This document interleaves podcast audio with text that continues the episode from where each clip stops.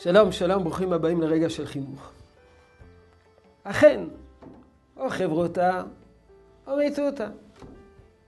רש"י פעם אחת פירש, חברותה זה חברים שנותנים לו כבוד. פעם אחת רש"י פירש, חברים שאוהבים אותו.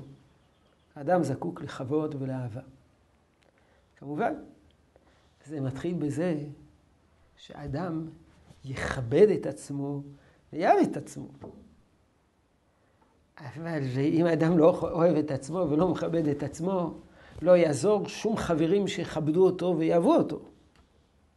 אבל באותה מידה, אם האדם אוהב את עצמו ומכבד את עצמו, ואין לו חברים שמכבדים אותו,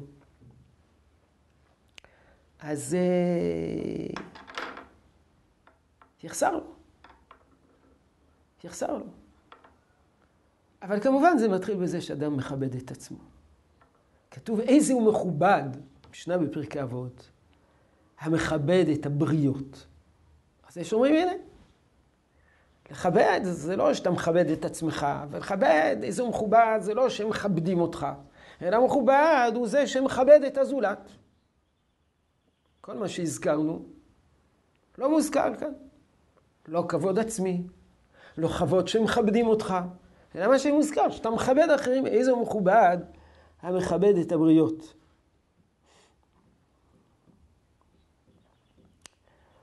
אבל אה, זה לא מדויק.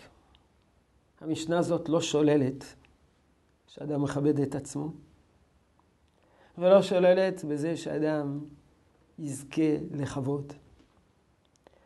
אלא המשנה מלמד אותנו באיזה דרך יכבדו אותך. איך, איך, אה, על מנת לזכות לכבוד, אתה צריך גם כן לכבד את הזולת.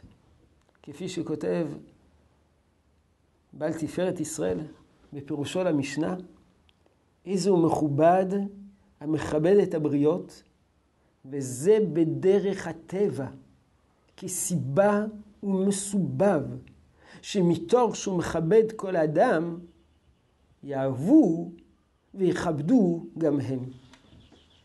אתה רוצה להיות מכובד, כי זה צורך ש... שמעריכים אותך. אדם שלא סופרים אותו, מתקשה לחיות. אתה רוצה שיכבדו אותך, תכבד את האחרים. תיווצר ריאקציה חיובית כלפיך. אתה מכבד, יכבדו אותך.